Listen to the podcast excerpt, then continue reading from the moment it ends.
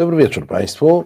E, bez wyjścia, Marcin Celiński. Jak widać, samotnie Radek dzisiaj ratuje Europę e, zupełnie gdzie indziej.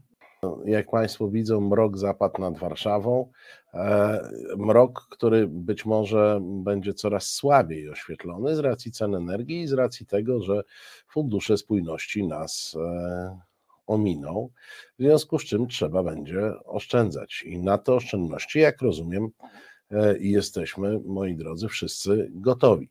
E, być może nawet jesteśmy gotowi na wycieczki zagraniczne, bo dał nam przykład Mateusz Morawiecki, że warto jeździć, a to sobie pojedzie do Pragi, bo tam e, spotykali się konserwatyści, a potem się okazuje, że konserwatyści spotykają się w Madrycie, to sobie też tam pojedzie, a Hiszpania to jest fajny kraj. No, niby dlaczego, e, dlaczego tam e, nie pojechać? Tylko nie wiem, czy ktoś z nas planując odpoczynek w Hiszpanii, planowałby go na wiecach partyjnych, ale no to jest moje otwarte pytanie do Państwa. Czy jadąc do Hiszpanii wpadlibyście na wiec partyjny, na przykład partii Vox? Mm, no bo na to, ta, takie partie preferuje e, Mateusz Morawiecki. E, co to jest Vox i co to jest Hiszpania? To o tym właśnie za moment porozmawiamy, bo jest już nasza gościni Magda Mielnej, politolożka, która poza tym, że wydaje portal Liberté.pl, to specjalizuje się w krajach hiszpańskojęzycznych powiedz, co to jest partia Vox i dlaczego premier polskiego rządu jedzie na wiec e, partyjny, gdzie dostaje zresztą aplauz większy niż kiedykolwiek by dostał na wiecu partyjnym w Polsce, bo w nie cieszy się taką popularnością e, jak w Hiszpanii. Co to jest ta partia Vox i dlaczego, e, i dlaczego kochają tam Mateusza Morawieckiego? No cóż, może tak, odpowiem w ten sposób. Ja tym, o, tym Voxie trochę jeszcze będę więcej mówić, ale no generalnie Vox wpisuje się w całą tą skrajną prawicę, która teraz rośnie w siłę w całej Europie, szczególnie w Europie Zachodniej. Widzimy e, wysyp tych tendencji. Mm, I Morawiecki trafił na taką szczególną imprezę organizowaną przez Abascala, przez Santiago Abascala, lidera tej partii, co roku.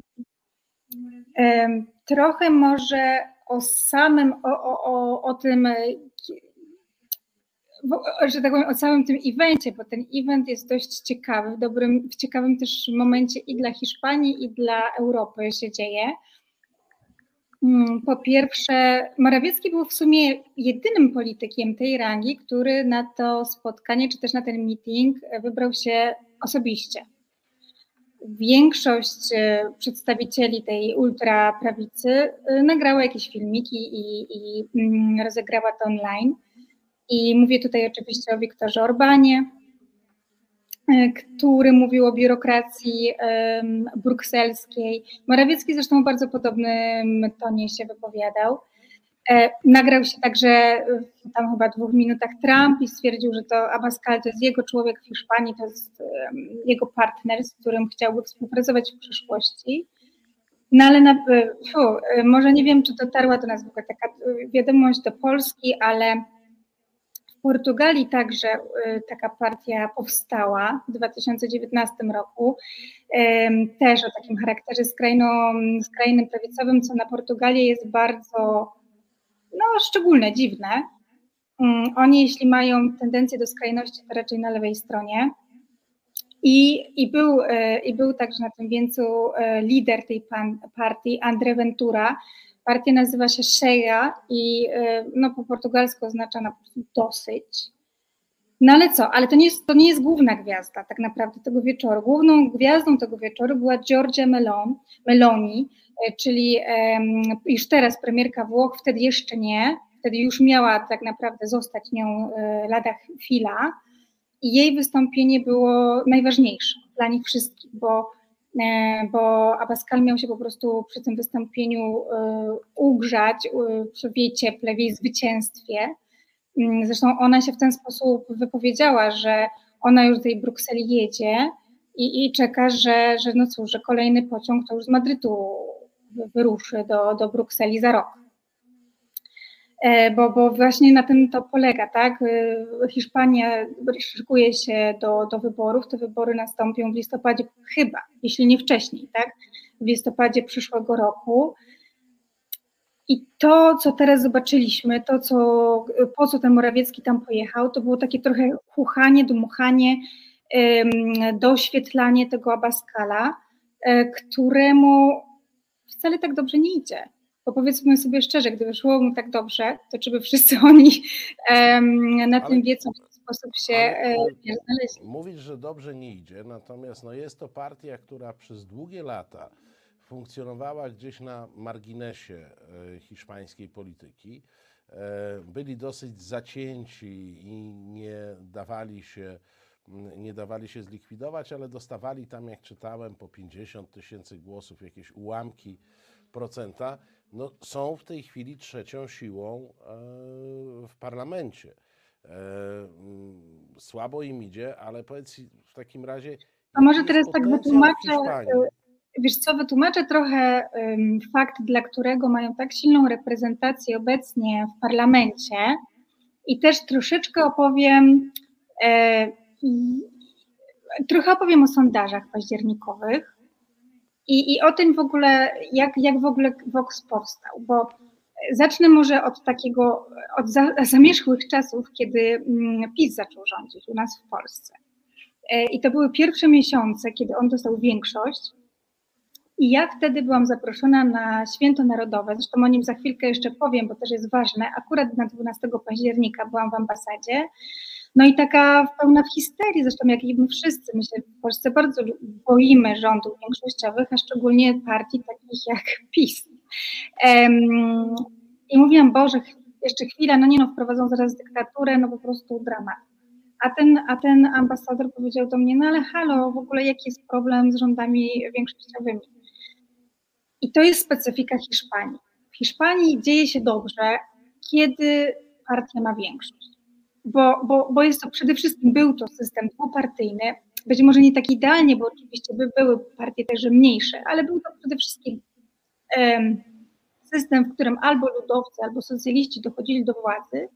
I jeśli te rządy były większościowe, to pół biedy, e, bo mogli realizować swoją politykę i nie musieli wchodzić w jakieś bardzo dziwne mariaże z nacjonalistami czyli z partiami, które wprowadzały do, Madry, do, do Cortezów w Madrycie po kilku dosłownie posłów ze swoich partii mm, nacjonalistów baskijskich czy też katalońskich.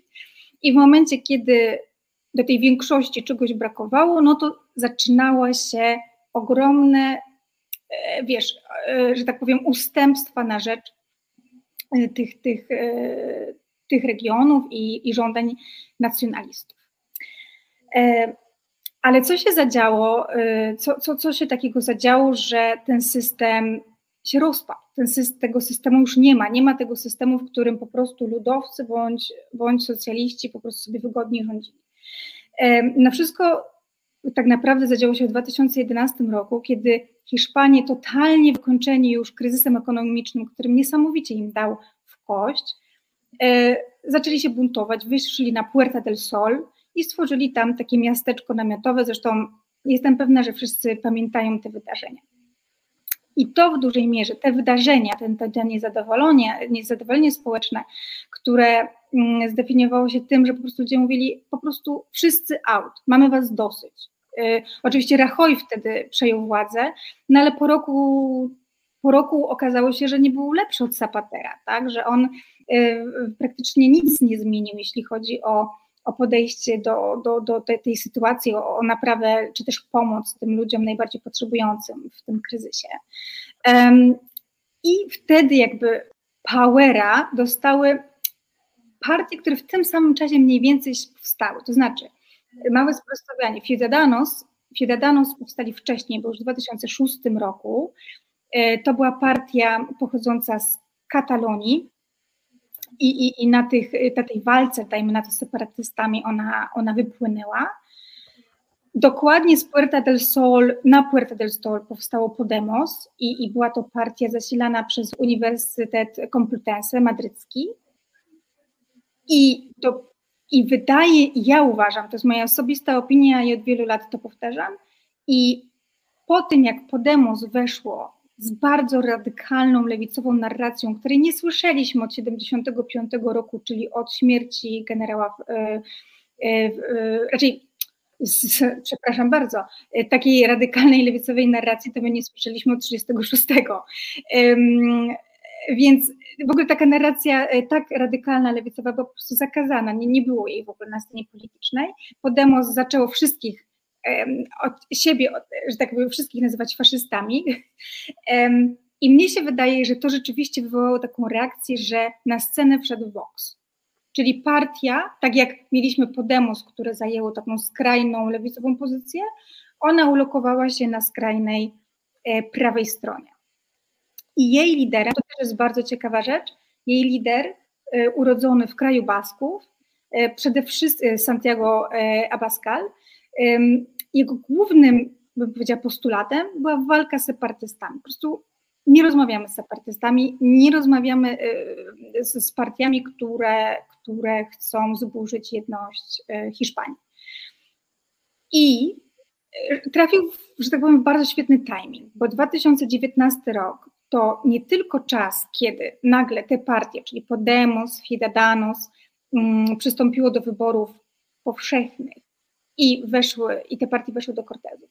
Ale był też ogromne zamieszanie, zamieszanie w tamtym czasie w Katalonii, ogromny kryzys na linii separatyści-Madryt i Vox fantastycznie y, wyczuł ten czas, był praktycznie jedyną partią, która mówiła kryminaliści do więzienia, nie gadamy z nimi e, i wprowadził zaskakująco bardzo dużą liczbę posłów, zdobył bardzo dużo mandatów e, i właśnie dlatego do tej pory, do dnia dzisiejszego jest, tak jak mówisz, trzecią siłą e, w hiszpańskim parlamencie. Czy to się utrzyma? Marne szanse, bo spadł poniżej 10% punktów procentowych i marne szanse, żeby odzyskał tą pozycję, którą posiadał wcześniej ale wydaje mi się, że oczywiście mamy cały rok przed sobą. Wszyscy już wiemy, że z rządów większościowych po prostu Hiszpania musi zrozumieć, że ich już nie, nie będzie miała. I, no i tutaj się zaczynają roszady, tak? Czy wytrzyma Sanchez yy, w koalicji właśnie z tą lewicą, z, gdzieś tam pochodzącą z Podemos, czy ludowcy dogadają się z Voxem i dogadają się z Abaskalem. No dobrze, ale bo tam lista tych, z którymi Vox nie chce rozmawiać, z tego co czytałem na e, e, stronach tej partii, jest dosyć długa, bo oni nie chcą rozmawiać z mniejszościami, chcą zakazywać e, edukacji w językach, w językach lokalnych, nie chcą rozmawiać i tu zaczynają się także znajome nam wątki z e, LGBT. E, nie chcą, no, generalnie nie chcą e, rozmawiać. Morawiecki jedzie do nich i mówi o Unii Europejskiej, która przekształca się w transnarodową bestię. Dostaje oklaski. Jaki jest, e, jakie jest nastawienie Voxu, które oczywiście jest w europejskiej grupie konserwatystów i reformatorów, tak to się śmiesznie nazywa, czyli tej, tej grupie e, ultraprawicowej, antyeuropejskiej i putinowskiej, tak ją odbieramy e, w Polsce. Czy to jest siła antyeuropejska, czy to jest po prostu siła populistycznej prawicy, która E, skupi się na wewnętrznych walkach z Baskami, Katalończykami i kto tam jeszcze zechce głowę podnieść i wszelkimi mniejszościami, jakie, e, jakie w Hiszpanii występują. Um, tak. W Hiszpanii praktycznie w ogóle nie ma takiej retoryki antyeuropejskiej. Anty, wiesz, w ogóle nie ma takiego tematu wyjścia z Unii Europejskiej. Czy taki temat można w Hiszpanii stworzyć? Ja na dzień dzisiejszy powiedziałabym nie, ale wiesz, my rok temu w Polsce też byśmy powiedzieli, że to jest niemożliwe. No tak? ja nie. Ja nie. nie. Ale większość tak. Natomiast no, w Hiszpanii tego nie ma, tego po prostu nie ma. Hiszpania była, z, um, um, była super zacofanym krajem, kiedy, kiedy wchodziła do Unii Europejskiej i traktuje to jako wielki no, skok cywilizacyjny, nie widzi siebie poza strukturami Unii Europejskiej i Abascal w żaden sposób tej, tej Unii nie podważa. Ja też przysłuchiwałam się trochę tym wypowiedziom, które padły ze strony liderów, y, y, o których na początku wspomniałam, na tym wiecu, na tym meetingu, o którym rozmawialiśmy na początku. I zwróć uwagę, nie wiem, czy też nie, zwróci, czy, czy, czy też nie zwróciłeś uwagi, że nikt tam nie y, kwestionował w ogóle jedności europejskiej. Oni wszyscy do tej Europy należeć chcą, tylko oni po prostu chcą ją przerobić na swoją modłę, tak? To ta, ta Europa ma być silna, ale nie wtrącająca się w sprawy krajowe poszczególnych, e, poszczególnych państw, tak? E, ta Europa ma walczyć, być, być takim, być takim e, organizmem, który może się na przykład przeciwstawić Rosji. I to też jest bardzo ciekawe, że mm, ta Rosja wypływa. Tutaj liderka Włoch, wydaje mi się, że chciała też zaznaczyć swoją tutaj raczej inną postawę niż Berlusconi, tak, czy w tej, w tej kwestii, podkreślała, że ona, ona uważa, że to jest teraz numer jeden dla niej, największy problem, wojna z Putinem. Hmm, więc tej antyeuropejskości nie. Ja bym powiedziała antyeuropa, jaka jest teraz, antybruksela, antytwór biurokratyczny, prawda, który, który prowadzi e, nas do tego, że czym my będziemy, tak? Europą pozbawioną naszych tradycji chrześcijańskich, Europą e, właśnie, gdzie LGBT się panoszy, to, to ja bym powiedziała w ten sposób, tak, że oni tą Europę po prostu chcą e, przejąć i, i zrobić tak, żeby było dobrze, tak? No ale czekaj, no bo to, to też słyszeliśmy od lat od od e, liderów PiSu, że oni absolutnie są Europejczykami. Morawiecki nawet takiego SMS-a wysyłał, tylko że on już wysyłał, że jest ostatnim Europejczykiem w polskim rządzie. E, I też mówi, że Europa jest fajna, tylko trzeba ją ułożyć e, po naszemu. No i teraz jeszcze raz wracam, bo ja sobie wynotowałem punkty z ich programu to jest zmiana polityki imigracyjnej, więc oczywiście chodzi o to, żeby żadnych uchodźców nie, nie, nie przyjmować. Tak, ale to każdy z nich podkreślał. Praktycznie każdy w tej wypowiedzi i chyba i, i wydaje mi się, że no, każdy, Trump, Orban, myślę, że wszyscy podkreślali. No, tak, no ale to, bo, bo, bo, chcę, bo chcę przejść i się zastanowić, czy to w ogóle da się, e, da się skleić. Sprzeciw e, wobec postulatów e, LGBT. Już żeśmy o tym mówili. E, jedność narodowa, walka z separatyzmem i to zdaje się, że w wydaniu dosyć, e, e, dosyć ekstremalnym. Zachowanie katolickiej symboliki w miejscach publicznych. Tak, ja jeszcze wiesz co, to, to tak rozwijać trochę, bo, bo, bo jak już dajesz mi te punkty, to też żebym coś, to wiesz, dała od siebie. Um, bardzo ciekawy w ogóle był organizowany, raczej ten meeting był ciekawie zorganizowany bo mm, w Hiszpanii w ogóle oni bardzo lubią takie organizowanie takich stoisk, tak, na których tam jest różne, i, się dzieją różne imprezy.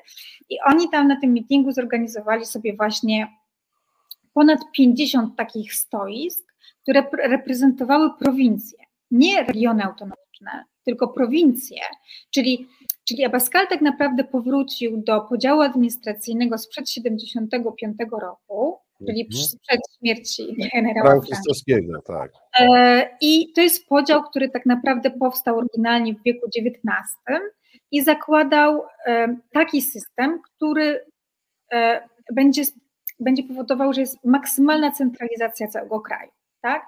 Czyli tutaj totalne, bym powiedziała, zminimalizowanie jakiejkolwiek siły Basków, Katalończyków, raczej po prostu nie ma, nie ma tych regionów, tak?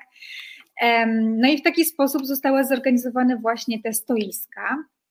Bardzo ciekawe było na przykład stoisko prowincji Hirona, do której jak, kiedy chciałeś wejść na to stoisko, to musiałeś przejść fizycznie, że tak butami po, po fladze e, niepodległościowej Katalończyków.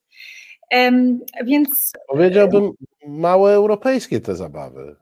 Tak, oprócz tego oczywiście było dużo takich stoisk, wiesz, takich e, typ NGO-sów, na przykład um, ludzie żądający um, prawa do dostępu do broni, prawda, tacy, tacy, wiesz, wyjęci wręcz ze Stanów Zjednoczonych z takiego kontekstu. Zresztą w ogóle Vox słynie z tego, że podobno jakieś dzieci w Andaluzji w szkole nawet miały jakieś tam zajęcia z, z polowania właśnie z bronią w ręku, e, więc tak, tak.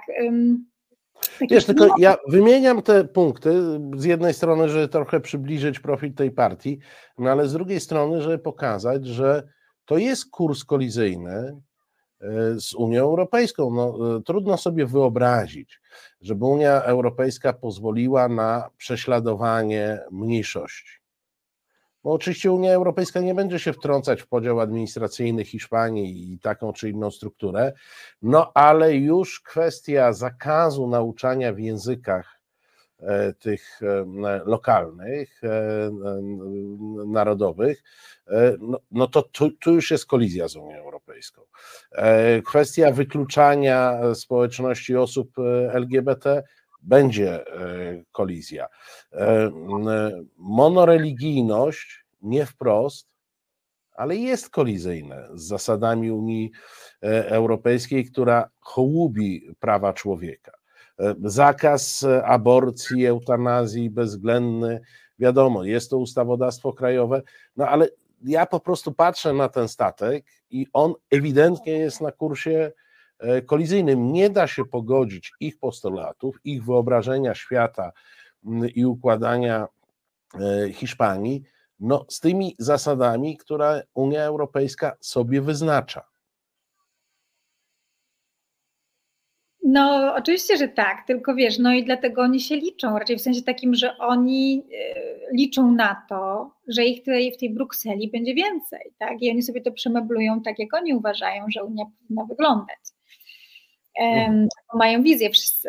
Nie, nie, wiem, czy to zauważyłeś. że oni są europejscy, ale inaczej. No tak, europejscy inaczej to brzmi jak inteligentnie inaczej trochę um, przez, um, przez analogię.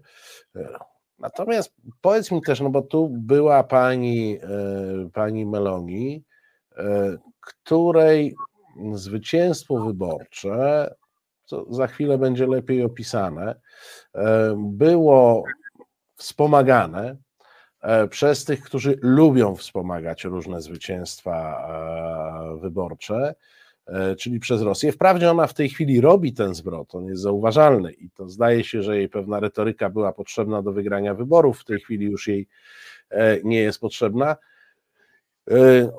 No, nie będę wspominał o pani Le Pen, nie będę wspominał o, o, polskim PiSie, czyli, czyli miejscach, gdzie ingerencje rosyjskie są ewidentne. Jak jest e, w Hiszpanii? E, czy czuć tam e, te przynajmniej, bo to jest ten poziom najniższy wpływu, czyli farmy troli, które zaczynają mieszać w debacie wewnętrznej? Wiesz co, myślałam o tym, to znaczy Hiszpania od lat ma problem z Rosją, tak? I, i to, to, to, to doskonale zresztą chyba już o tym kiedyś rozmawialiśmy, prawda? Rozmawialiśmy że... przy okazji Twojej książki o, o Katalonii. No, że, że wiesz, po pierwsze y, Hiszpania, w Hiszp Rosja w Hiszpanii ma wyznawców, tak? To też jest łatwiej, że są tam ludzie, którzy mm, nie wierzą w Katyń, tak, że, że, że wiesz, jak Wajda nakręcił film i, i był tam puszczany, po prostu wychodzili z sal kinowych uważali, że jest to kłamstwo. Więc wiesz, od momentu, kiedy dokonała, od momentu od pierwszych dni inwazji rosyjskiej na Ukrainę, ja, ja wchodzę sobie oczywiście na, na wiesz, tam na El Paisa czy coś takiego, ale wiesz, co jest najfajniejsze? Pod tymi artykułami najfajniejsze są komentarze. Nie sam artykuł, ale te komentarze robią dzień. I, i wiesz, tam, tam jest po 300 albo i więcej komentarzy, gdzie mnie się wydaje, że to rzeczywiście są, tak jak ty mówisz, po są trole. tak? I, I to nie jest jakby, to nie jest fenomen, który ogranicza się tylko do Hiszpanii, ale w całej Ameryce Łacińskiej także e, tego jest bardzo dużo, tak? Ci, ci, ci ludzie uważają, że mm, bardzo duża część opinii publicznej w krajach hispanojęzycznych uważa, że Ukraina jest w strefie wpływów e, politycznych Rosji i Rosja ma do tego prawo, a Stany Zjednoczone i cała reszta wtrącają się w sprawy wewnętrzne Rosji. I w Hiszpanii jest bardzo, bardzo dużo ludzi, którzy uważają, że to, co widzą w telewizji, to jest kłamstwo, manipulacja i tak nie jest. Ale wydaje mi się, że raczej są to ludzie, którzy głosują na Podemos. To jest raz. A dwa, bardzo silne wpływy Rosji z separatystami. Mówię tutaj o, Ukraiń, o ukraińskich separatystach. Boże, co już mówię? O, o katalońskich separatystach. Mhm. I nawet jest teraz taka afera od jakiegoś czasu, bo wykryto, że większość polityków e, niepodległościowych, czy no bo oni teraz odchodzą już od tego słowa separatyzm, bo ono jest takie stygmatyzujące, więc tych, tych polityków niepodległościowych miało po prostu Pegasusy, miało podsłuch na telefonach założony przez służby specjalne Hiszpanii. No ale to pokazuje też, ja nie chcę tego oceniać, czy to jest, wiesz, legalne, nielegalne, ale pokazuje to skalę, prawdziwą skalę problemu, że oni po prostu um, są zagrożeniem dla stabilności kraju, tak? I interesują się nimi służby. Więc jeśli szukać takich środowisk, w których Rosja, które Rosja ma przefiltrowane, ma, mm, ma opracowane, to na pewno takie właśnie albo ta lewica katalońska, separatystyczna, niepodległościowa, albo Podemos w ogóle, czyli te wszystkie ruchy radykalne, lewicowe w Hiszpanii, tak? A Baskala bym o to nie podejrzewała, ale wiesz, ja nie wiem, no bo nie podejrzewałabym go, nie mam, nie mam żadnych ścieżek, ani nie mam żadnych poszlak do tego, żeby mówić w ten sposób. Ale nie wiem, no, z drugiej strony. Nie takie przykłady. Znaczy nie, no, wydaje się, że tam no, trochę ich trzyma e, hiszpańska specyfika i jednak e, pewne, pewne podziały świadomościowe od wojny domowej, gdzie Rosja była po jednej ze stron. No i nie była to strona frankistowsko-prawicowa, więc tutaj może być no, większy problem, jakkolwiek w świecie nie takie problemy e, tak, pokonywano. Wiesz, wydaje mi się, że, że jeżeli chodzi, jeżeli Rosja ma cel e, destabilizowania sytuacji w Hiszpanii, no bo generalnie destabilizowania e, sytuacji wszędzie, tak, to, to w Hiszpanii ci separatyści zupełnie jej dobrze idą i, i, i całkiem dobrze tam tą sytuację destabilizują. I ten Abascal wydaje mi się, że już nie byłby tak, znaczy po prostu nie byłby potrzebny, tak, wiesz, do, do, do tego, żeby więcej na, na rozrabiać. Mm, e, oni tam mają dość dużo problemów i na linii, i jeśli chodzi o tych separatystów, i słabą monarchię, więc. E, I do tego, do tego wrócimy tuż po krótkiej muzycznej przerwie. Chyba nie mamy nic hiszpańskiego, ale na pewno mamy coś skocznego. Prawda nas zaboli.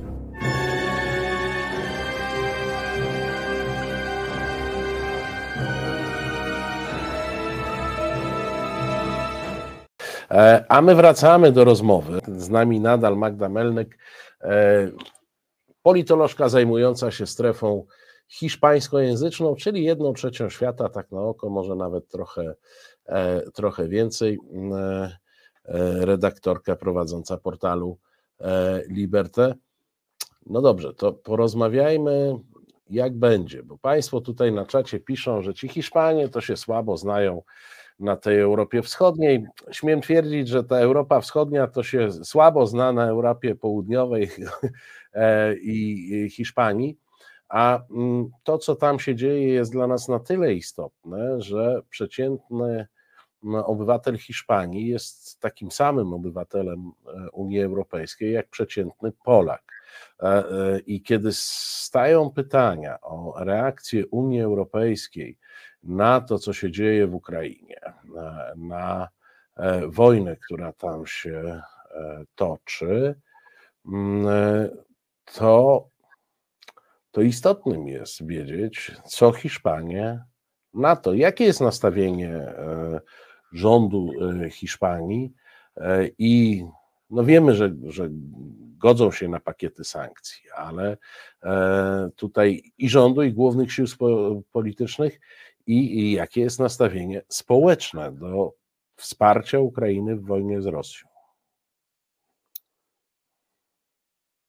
Wiesz co, no wydaje mi się, że mimo wszystko, bo, bo, bo wiesz, to ja, ja wiem, że ja mówiłam o tych trollach dużo i, i o tym, że, że, że dużo ludzi myśli, że, że to co widzi to jest nieprawda, ale wiesz, mi się wydaje, że jak ktoś głosuje na skrajną lewicę albo skrajną prawicę, to, to jednocześnie może mieć bardzo in, inny obraz rzeczywistości, e, więc, więc to, to też nie jest taka średnia. Tak? Ja, ja myślę, że Hiszpanie o tej wojnie dowiadują się dużo. Y, dużo, raczej to też jest, wiesz, to też jest ciekawy w ogóle fenomen, bo odkąd PiS doszedł do władzy i, i zaczęło się u nas dziać, no cyrk się zaczął u nas dziać na co dzień, to, to do nas też sprowadzono takich korespondentów, bym powiedziała, na stałe. Wcześniej, jak był spokój, Tusk sobie tu był, to na przykład y, z Doel Paisa ktoś pisał o Polsce siedząc w Berlinie. I to był standard. No, nuda była, no to po co inwestować? No. Dokładnie, więc powiem Ci, że odkąd się u nas zaczęło dziać, to, to, to kilka osób jest u nas na miejscu. Odkąd ta wojna się rozpoczęła, to też dosłali więcej ludzi, więcej ludzi pisze i, mm, i więcej ludzi przez to, że u nas siedzi, to zaczyna pisać lepiej. No, bo tak jest. I mnie się wydaje, że to, co można przeczytać w prasie hiszpańskiej, jest dobrze opowiedziane i, i, i, i nie mija się w żaden sposób z prawdą. Teraz czytałam, że, że oni spory teraz kontyngent przyjęli e, tych, tych Ukraińców do szkolenia. Czyli żo, e, wiesz, żo, żołnierze, że tam mhm. są, się, się dzielą i, i mm, więc myślę, że oni też tam sporo, no normalnie pomagają, tak jak każdy inny kraj.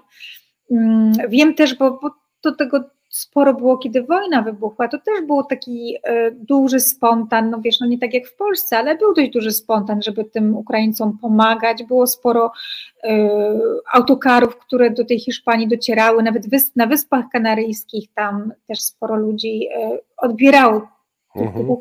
Więc tu chcę pokazać, że, że Hiszpania także tych, tych Ukraińców dużo wzięła.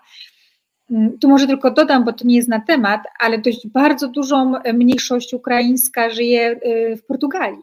I do Portugalii tych Ukraińców też bardzo dużo dotarło, to tak już na marginesie, więc chcę powiedzieć, że, że ich jest dużo wszędzie. I tam też nie było problemów, tak jak z Wielką Brytanią, że Ukraińcy nie mogli wjeżdżać i tak dalej, tak dalej. Więc wydaje mi się, że generalnie są na tak, ale jednocześnie są świadomi konsekwencji tej wojny. To znaczy, i tu też właśnie chciałam troszkę o tym powiedzieć, że został rok y, do wyborów, a, a w Hiszpanii to, co panuje, taka generalna emocja, to jest lęk. I przede wszystkim ten lęk rozpoczął się, czy zaczął się z pandemią.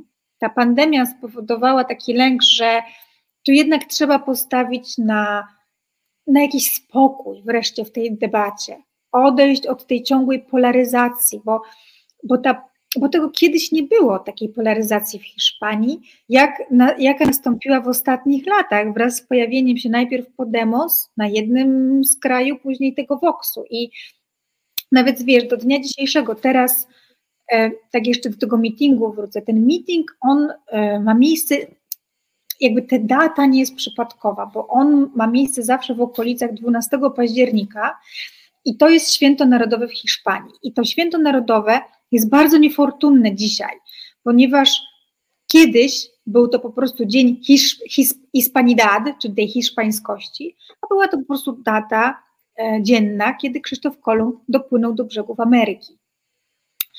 E, I to była, i, i wiesz, to było takie święto totalnie frankistowskie, z przemarszem wojsk, z takim przężeniem piersi, e, takim, takim trochę też takim rasowość, takiej rasowości, że wiesz, że myśmy tam też tą Amerykę i, i w ogóle, więc to to jest w ogóle bardzo zła data. Wiadomo, że czasami jest tak z datami, że nie można się z nich za bardzo wycofać. I, i, i teraz po tym 75 nawet korona, monarchia ma z tym problem, no bo to tak wygląda, no po prostu y, Filip przyjeżdża z małżonką, no Sanchez stoi, no i wszyscy oglądają ten przemarsz wojsk. Ale wiesz, kiedyś to się działo w takiej atmosferze, powiedziałabym, normalnej te święta, czy, czy bardziej prawicowe, czy mniej, no po prostu ludzie się tym nie interesowali. A teraz na tego typu świętach zaczynają się, przychodzą grupy i zaczynają się właśnie jakieś gwizdy, wyzwiska, wiesz, to też świadczy o pewnym takim niespokoju, wiesz, o takiej społecznej polaryzacji. Na przykład w tym, w tym roku, dokładnie yy, zaraz po tym meetingu, yy, generalnie te święta też przyciągają bardzo prawicowych e, wyborców, co wcześniej naprawdę nie miało miejsca.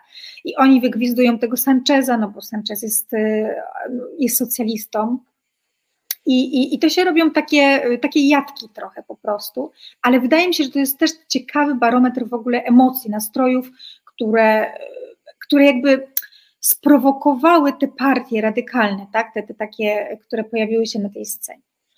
I, I teraz do tego lęku jeszcze nawiążę. Więc mam wrażenie, że pandemia pokazała, że, że wiesz, grani na tych takich zupełnie skrajnych nastrojach, wymyślanie problemów y, też troszkę nieistniejących, to być może to nie są najlepsze y, rozwiązania, czy też najlepsze recepty na trudne czasy. Y, ceny wszystkiego rosną. Ludzie wiedzą, że to jest także pokłosie wojny. Ceny energii także. Wiedzą, że czekają ich ciężkie czasy, że przychodzi kryzys ekonomiczny. No i teraz pytanie, na kogo będą skłonni postawić? Bo mamy ludowców, którzy się w sumie dobrze prezentują, bo mają, y, bo mają lidera Galicyjczyka, y, Alberta Fejcho, mm, od lat, takiego ludowca po prostu od dekad, y, rządzącego bardzo dobrze tą Galicją.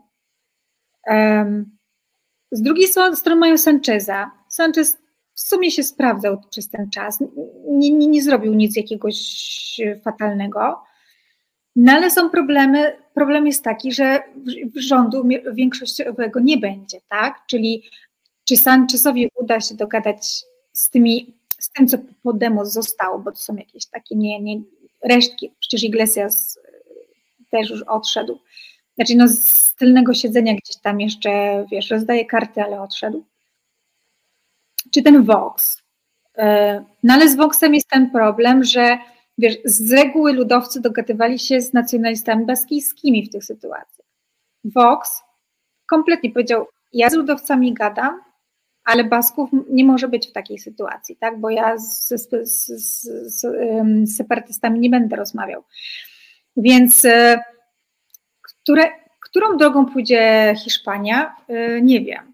No, na przykład, jakie recepty, jakie recepty widzi Vox, tak? Czym chce, chce, czym chce jakby te hiszpańskie serca skraść y, w przyszłym roku? No to przede wszystkim tą walką y, z separatyzmami, taką totalnie otwartą, w sensie tak jak ty sam mówiłeś, tak, no po prostu zlikwidowania najprawdopodobniej, nie wiem, regionów autonomicznych, e, regionów historycznych, tak jak powiedziałeś sam, zakazania co?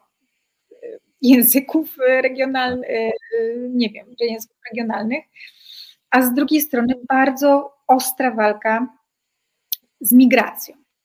I tutaj też wiesz, ja oczywiście mogę być dużą optymistką i ty możesz powiedzieć coś zupełnie innego, ale wydaje mi się, że łatwiej jest wzbudzać lęk przed czymś, przed kimś, czego nie znamy. Na przykład w Polsce. My praktycznie nie, nie znamy tej, tych imigrantów z, z, z państw arabskich. Tak? Bardzo łatwo jest nas straszyć nimi a w Hiszpanii tych ludzi jest już bardzo dużo. Wiesz, w ostatnich 20-30 latach ich naprawdę bardzo, bardzo dużo do tej Hiszpanii przybyło. Nie wiem, czy tak łatwo jest straszyć kimś, kogo się zna, bo, bo mieszka za ścianą. Trudno mi powiedzieć, to, to też wiesz, no ty pewnie byś może powiedział, że, że w sumie to politycznie można wszystko ograć. Mm. To, to, nie to, że ja to mówię, no tylko że są tego przykłady. A z drugiej strony, a z drugiej strony co, co chce, co chce to Podemos, bo te resztki Podemos teraz mają taką nową inicjatywę, której będzie przewodziła Yolanda Diaz, e, obecnie wicepremier, czyli no na hiszpański wiceprezydent, no ale my ich nazywamy premierem i wicepremierką. I ona, ona chce stworzyć nowo, no, nowy konstrukt, nowy projekt polityczny i kładzie duży nacisk na reformę, y, na reformę systemu podatkowego, po prostu fiskalnego. E, I to rzeczywiście, ja uważam, że to jest temat, który bardzo się. To znaczy, Hiszpanie w większości uważają, że taka reforma się należy Hiszpanii, że bogaci powinni płacić większe podatki i mieć jakby taki większy ciężar y, na, na, na ich barkach złożony. E, ta Jolanda też bardzo chce korporacje, że tak powiem, wiesz, pod, poddusić podatkowo i to też się Hiszpanom raczej podoba. I też kolejna rzecz ciekawa, nie wiem, rzucam tak, może to Cię zainteresuje, że oni generalnie by chcieli Hiszpanię, żeby w ogóle w Unii Europejskiej w jakiś sposób zunifikować to e, prawo podatkowe, żeby to w miarę podobnie wyglądało w całej Unii Europejskiej, te rozwiązania gdzieś tam przyjęte, żeby to było raczej gdzieś tam rozwiesz przez Brukselę e, ogarnięte, więc też ciekawy temat. No i co? No i co się okaże być tą drogą bardziej dla nich ciekawą, czy bardziej, która, nie wiem, która z tych dróg okaże się być e, taka bezpieczniejsza dla nich, tak? Gdzie, gdzie te lęki będą mniejsze? Nie wiem. Powiedz jeszcze na koniec, bo my wiemy z, z, jakby z innych źródeł, że Hiszpania jest e, liderem, e, jeśli chodzi o wykorzystanie środków z KPO, tych środków, których my nie dostajemy. E, jaka jest e, realna sytuacja w Hiszpanii? Czy oni po covid i teraz w wyniku wojny odczuwają negatywne skutki, czyli skutki gospodarcze, czy oni zbiednieli, czy, te, czy ta płynność Hiszpanii we współpracy finansowej z Europą i jak mówię, Hiszpania pierwsza złożyła e, faktury, nie tylko wnioski o zaliczki, ale faktury. e, z Krajowego Planu, z, do, do funduszu, z kraju, ze swojego Krajowego Planu Odbudowy, zresztą miała bardzo szybko e, zatwierdzony. E, czy w Hiszpanii czuć jakiś kryzys? E, no i masz skalę porównawczą z kryzysem w Polsce. Hmm, to jest w ogóle bardzo złożone pytanie. W ogóle najpierw może powiem troszeczkę tylko o wykorzystywaniu środków z Unii Europejskiej, tak w dwóch słowach. Rzeczywiście Hiszpanie są w tym e, no, specjalistami, ale w taki sposób wręcz już że można by z tego zrobić żarty, wiesz, dowcipy. To znaczy, powstało tyle nieprzydatnych rzeczy. Powstało, słuchaj, tyle lotnisk, jakieś lotniska widma pośrodku niczego. To, to, to jest w ogóle specjalność Hiszpanii, wiesz, ogromne projekty y, takie infrastrukturalne, które później po prostu świeciły i strasz, raczej świeciły pustkami i świeciły i straszyły. To jest, to jest jeden temat. Drugi temat jest taki, że, że Hiszpania do tego, do tego pierwszego kryzysu w 2008 roku była takim krajem, e, który mogłabym porównać, jeśli chodzi o optymizm z Polską. To znaczy, wiesz, z Polską, która cały czas się rozwijała po 89 w jakiś taki sposób, oczywiście koszty są, ale jednak cały czas ten rozwój następował. Tak, krzywa była cały czas wzrostowa wzrostowa i, i, i wiesz, no to był ogromny przeskok cywilizacyjny. Zresztą ja pamiętam, jak ja byłam chyba w 98 roku po raz pierwszy w Hiszpanii, to to był, to był świat, który miałam wrażenie, że my nigdy czegoś takiego nie zaznamy, że wiesz, że tam przychodzi jakaś pani normalnie do rodziny, do sprzątania, do gotowania. To myślałam sobie, Boże, to nie za mojego życia, może za życia moich dzieci albo wnuków w Polsce będą takie rzeczy, wiesz. Mm, ja byłam wtedy w liceum. to był, no wiadomo, no, koniec lat 90.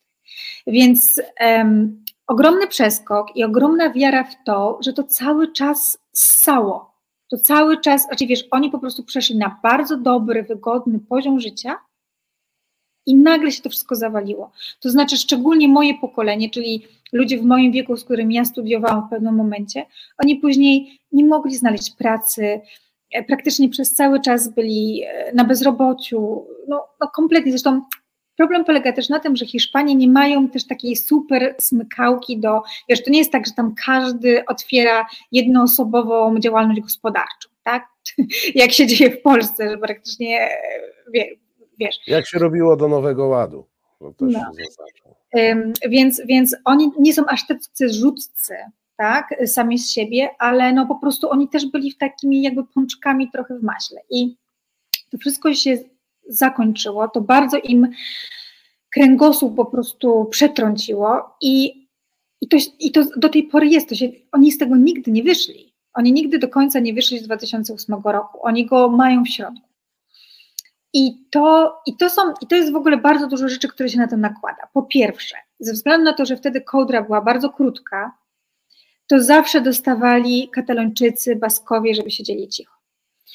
Więc do tej pory ma, są problemy sprzed 20 lat infrastrukturalne takich regionów, jak nie wiem, które po prostu, z którymi nie ma politycznych problemów, jak jest Ekstremadura, do której do tej pory nie dotarł pociąg i wszyscy się praktycznie śmieją z tego, że to już po prostu nigdy nie nastąpi, tak? Znaczy, mówię o jakimś normalnym pociągu, który nie jedzie cały dzień i ludzie z kurami wsiadają, tak, na co drugim e, przystanku. To samo z Mursją, jest masa, masa regionów, do których po prostu tam nic nie dociera, po prostu oni są zawsze drugoplanowi i nigdy nie staną się pierwszą.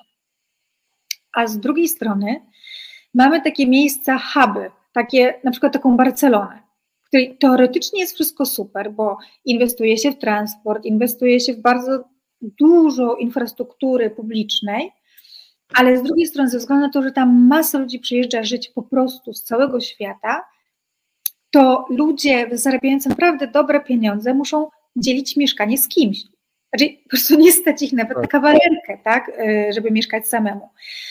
Więc um, wydaje mi się, że po prostu wydaje mi się, że my dosz, doszliśmy do pewnego poziomu w Polsce i bardzo jesteśmy zdziwieni, jadąc na zachód Europy, że, że ludzie często nie, nie mają nawet podstawowych rzeczy, nie mają, wiesz, no nie wiem, ciepła, że wiesz, nie mają, nie, nie mają grzewania, nie mają, czasami nawet zdarza się, że bieżącej wody w wielu miejscach, więc to, to w Hiszpanii nadal ma miejsce, tak, czy tam w Portugalii, bo to już, przecież Portugalię myśmy już wielu na wielu płaszczyznach przegonili gospodarczo i to, i to bardzo widać. No więc tak, nie wiem, tak może wielopłaszczyznowo, no ale tak zarysowałam ten, ten obraz i e, no, no i wierzę. I, I dodajmy jeszcze jedno, proszę Państwa, z ciekawostek. Z jakichś bliżej nieznanych przyczyn, e, tam gdzie Hiszpanie e, mają tory, to mają je szerokie czyli nie w standardzie e, europejskim. Ale to tylko ciekawostka, żadna aluzja. E, żadna aluzja. E, bardzo Ci dziękuję za tę, tę dzisiejszą rozmowę i to spotkanie. Proszę Państwa, naszą gościnią była Magda Melnyk, politolożka specjalizująca się w krajach hiszpańskojęzycznych. Zatem rozmawialiśmy o tych krajach hiszpańskojęzycznych, które są w Unii Europejskiej, czyli konkretnie o Hiszpanii. Bardzo Ci dziękuję. Dziękuję Ci bardzo, dziękuję Państwu. Kłaniam się, dobrego wieczoru. Proszę Państwa, a my co? Zagramy coś e, po to, żeby się odprężyć, bo przed nami cotygodniowa dawka Polexit Newsów i wybór polexitowca tygodnia, którego Państwo e, dokonają. Dochodzenie prawdy. Dziennikarz śledczy Tomasz Piątek jest nieustannie na tropie. Ujawnia wszystko to, co najgłębiej ukryte. Fakty niewygodne dla władzy i kłamstwa najważniejszych osób w państwie. Jak wygląda dziennikarskie śledztwo? Jak dochodzi się do prawdy? Nie chowamy głowy w piasek.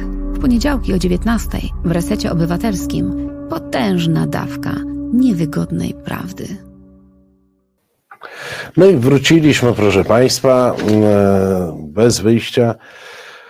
E, Ależ jestem w tej chwili w powiększeniu. Jakiś wielki zrobiłem e, w tej części programu, e, a spróbuję jakoś z tym żyć.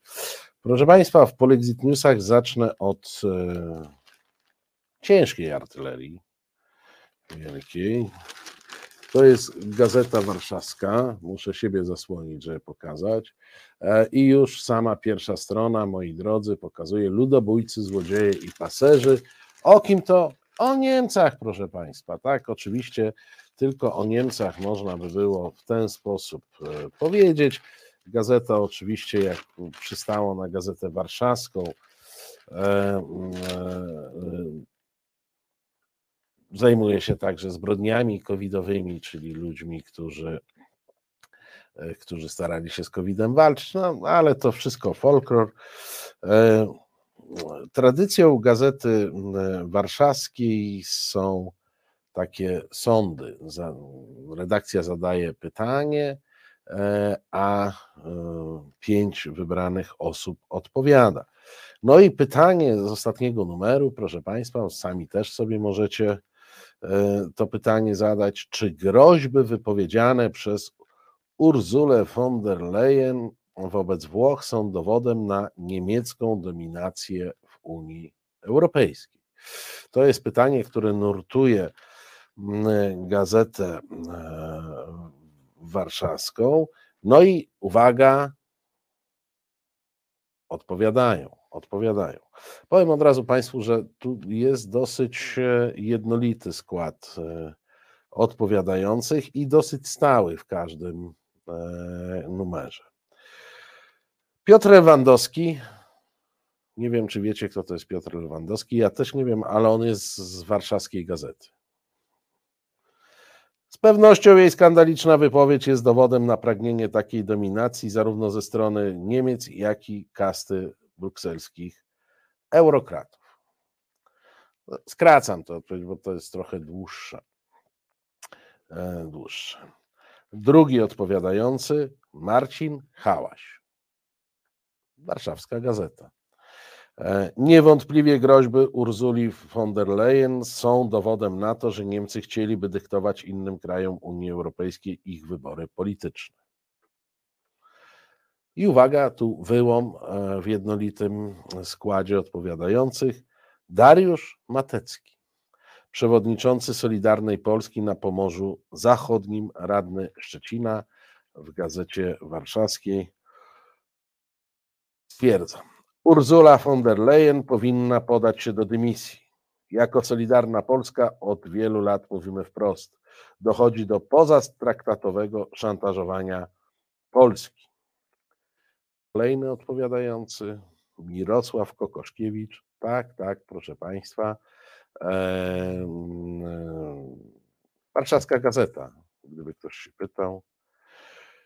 Głównym problemem, moim zdaniem, jest niemieckie patologiczne poczucie wyższości i żąda dominacji. W przypadku Niemiec widać jak na dłoni, że ślady historii wprowadzą wprost do teraźniejszości. Izade- Izabela Brodacka-Falcman, Warszawska Gazeta. Groźby wypowiedziane przez Ursulę von der Leyen wobec Włoch są dowodem jej teutońskiej pychy, połączonej z niską inteligencją. Niemcy są kapitanem tonącego okrętu, jakim jest Unia Europejska. Przyznacie Państwo, że jak na sądę, no chcę powiedzieć, że gdyby tu była odpowiedź tak, nie, to 100% jest na tak. Tak, 100% uważa, że jest, że słowa Ursuli e, von der Leyen wobec Włoch są dowodem na niemiecką e, dominację w Unii Europejskiej. I tak, tak się bawią, e, tak się bawią Państwo w gazecie powszechnie dostępnej w całej. M, Ben Kruczek mówi, warszawska nie była w Polska Press. Nie, nie była. To jest, to jest proszę Państwa, samodzielna inicjatywa patriotów, którzy, którzy dużo piszą o Unii, jak Państwo, państwo którzy oglądają e, e, Państwo oglądają e, nasz program, to my sięgamy do tej gazety od czasu do czasu. Proszę Państwa, zielony niemiecki przekręt.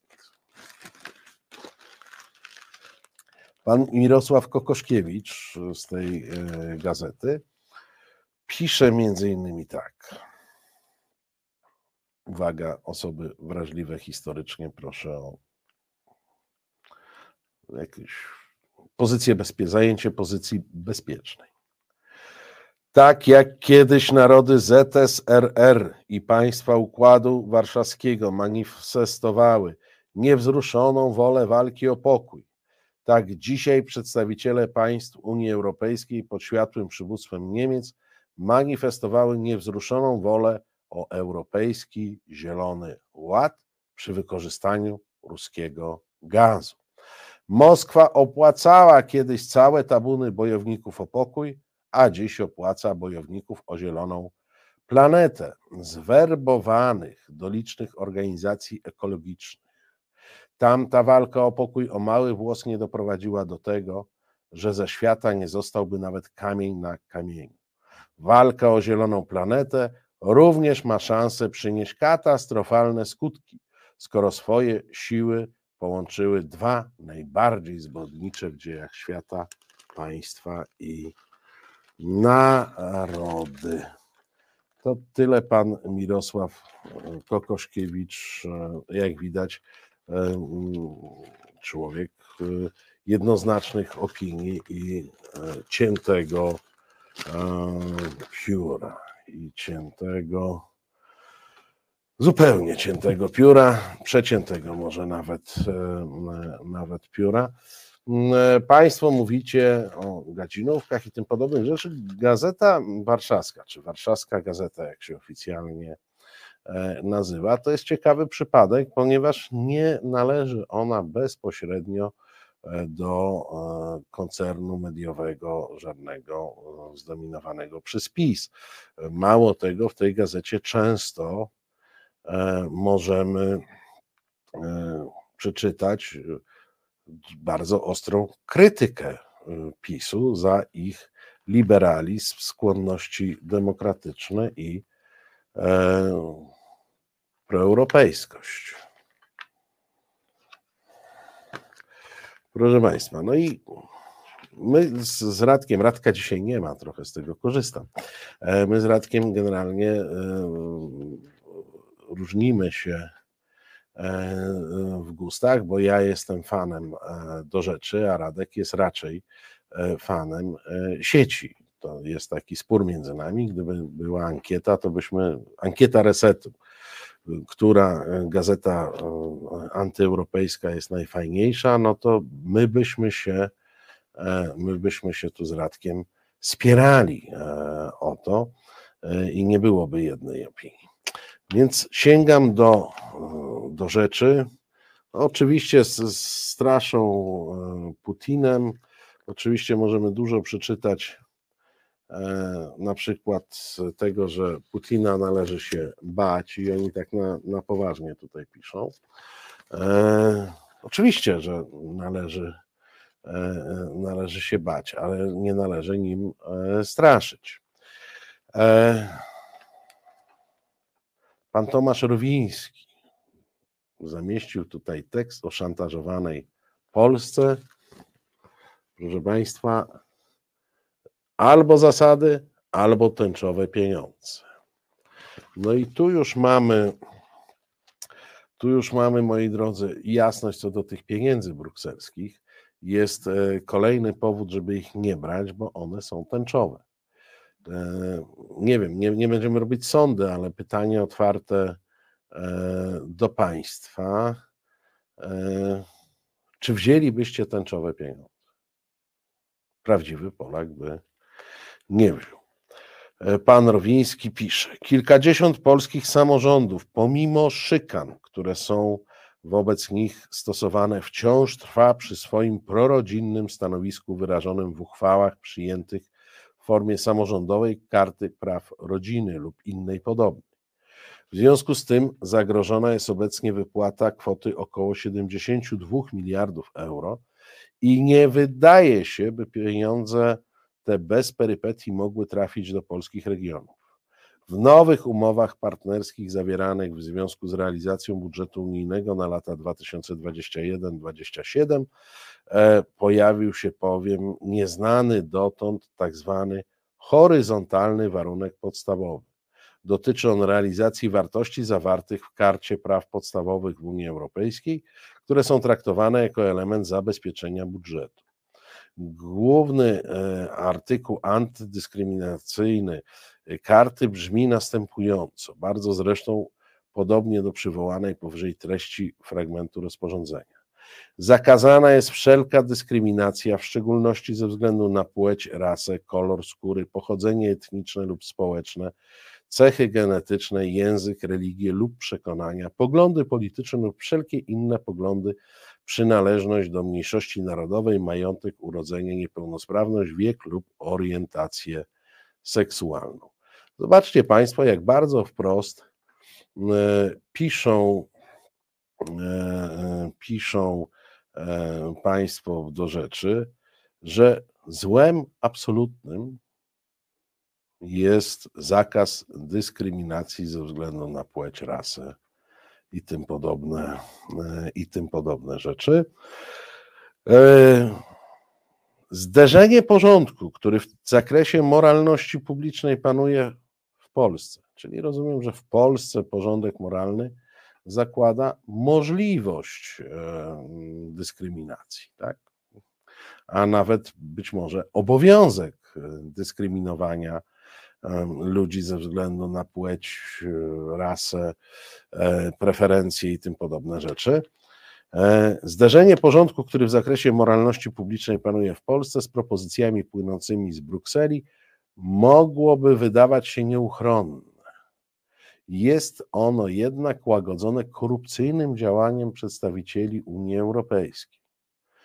No i przez chwilę można by było pomyśleć, że chodzi o skorumpowanie Unii Europejskiej, którzy pozwolą na dyskryminację ci urzędnicy, jakim się da odpowiednią e, łapówkę, na przykład, e, na przykład w reklamówce z Biedry. Mm, ale okazuje się, że to działa w drugą stronę. Na poziomie lokalnym wymuszają oni na samorządowcach deklaracje praktycznie oznaczające uznanie wyższości wykładni KPP, czyli Karty Praw Podstawowych, nad polskim ładem konstytucyjnym. Gdzie w polskim ładzie konstytucyjnym e, jest zapis sprzeczny z Kartą Praw Podstawowych? Nie wiem. E, być może można by było się doszukiwać tych e, zapisów e, w konkordacie, w paru jeszcze aktach prawnych, ale w Konstytucji muszę Państwu powiedzieć, że mamy zapisaną, mamy zapisy antydyskryminacyjne współbrzmiące z kartą praw podstawowych. Na razie, jak się zdaje, górą są angażujący się w sprawę nowej formy umów partnerskich w ramach funduszów spójnościowych działacze kampanii przeciwko homofobii. Pieniądze wygrywają z zasadami, tak, czyli pieniądze unijne wygrywają z tymi pięknymi zasadami e, forsowanymi przez do rzeczy, e, które pozwalają, znaczy nie wiem, czy są zasady, które, czy można nazwać zasadami, e, dyskryminowanie, no ale przyjmując metodologię tego artykułu, pewnie tak. Więc pieniądze wygrywają e, z zasadami. Jak inaczej skomentować fakt, że jesienią zeszłego roku wiceminister funduszy i polityki regionalnej, dziś minister rozwoju i technologii Waldemar Buda zasugerował samorządom zmianę treści przyjętych uchwał. Wyobrażacie sobie Państwo, jaki to zdrajca narodu polskiego jest ten Waldemar Buda, który zasugerował samorządom, żeby wycofały się z uchwał dyskryminujących mniejszości e, w Polsce, w tym mniejszość e, seksualną, mniejszości seksualne. Komentarz może być tylko jeden. Część obozu rządzącego chętnie zostawiłaby ideowych samorządowców na lodzie. Może zatem lepszym wyjściem było wcześniejsze ostrzeżenie ich. Że nie powinni liczyć na polityczne wsparcie dla swojej akcji, gdy tylko pojawią się trudności, gdy przestanie ona być potrzebna w doraźnej mobilizacji społecznych emocji. W tym ostatnim zdaniu trochę racji jest, bo wiadomo, że akcję tę wywołał PiS, zainicjował poseł e, PiSu pan e, Smoliński. E, no a jak przyszło to do, co do czego, to PiS się trochę dystansował, tylko zawsze wierne Ordo Juris wspierało samorządy, które upierały się przy tych uchwałach.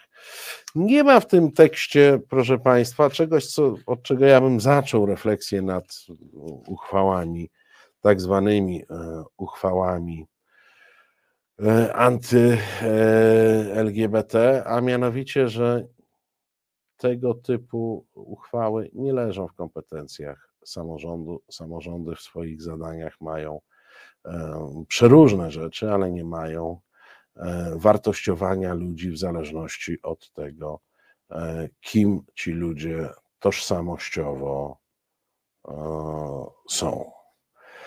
Pan Tomasz pisze, Polski Ład Konstytucyjny wydaje się kalką ładu zalecanego przez Brukselę.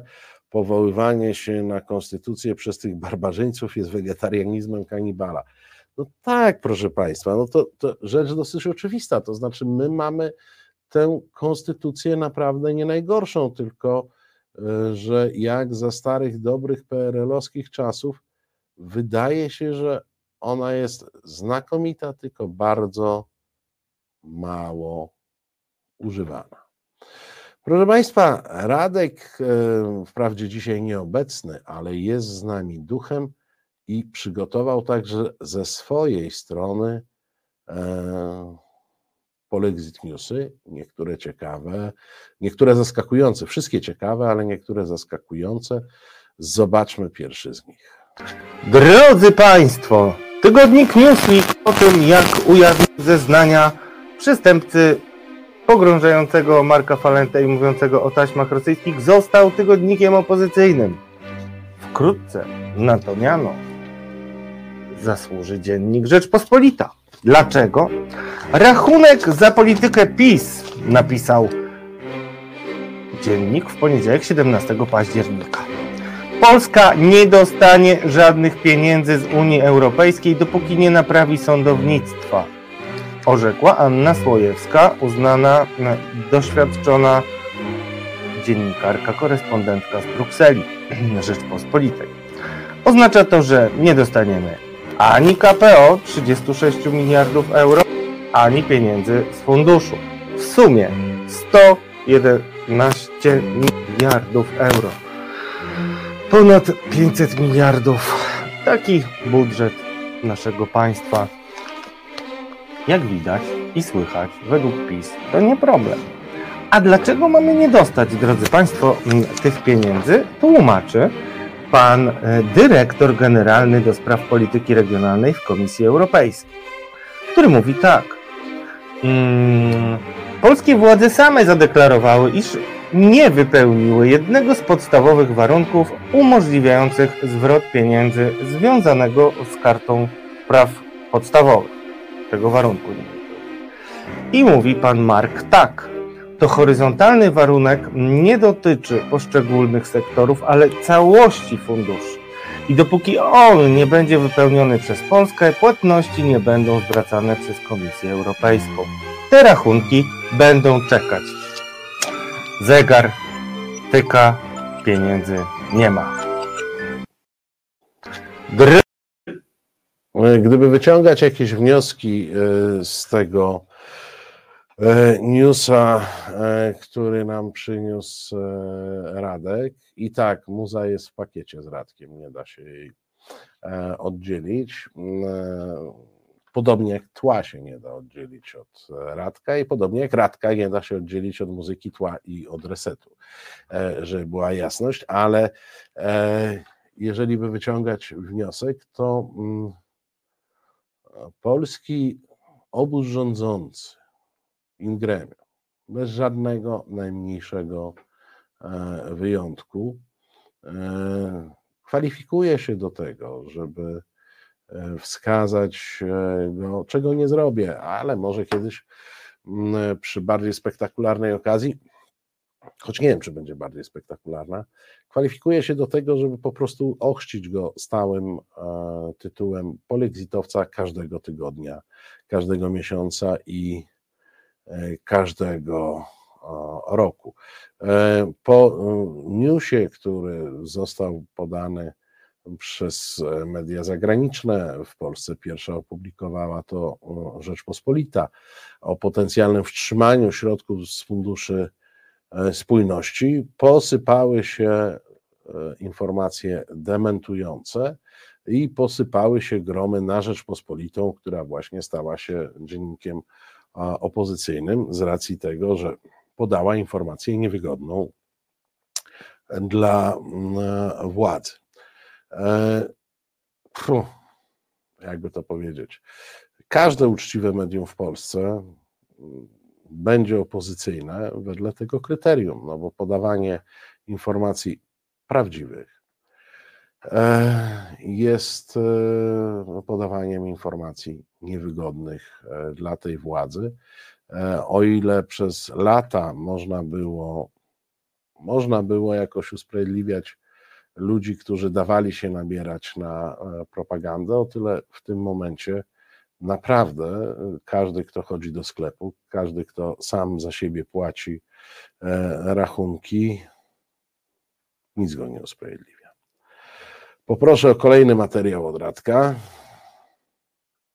Myli się jednak ten, kto myśli, że Gazeta Polska codziennie nie wytropi spisku, w którym udział brała Rzeczpospolita. Jacek Liziniewicz. Polityka zastępuje traktaty. Co wytropił Jacek Liziniewicz? Rozmówcy Rzeczpospolitej nie są bynajmniej przypadkowi. Są dobrze znani polskim politykom opozycji.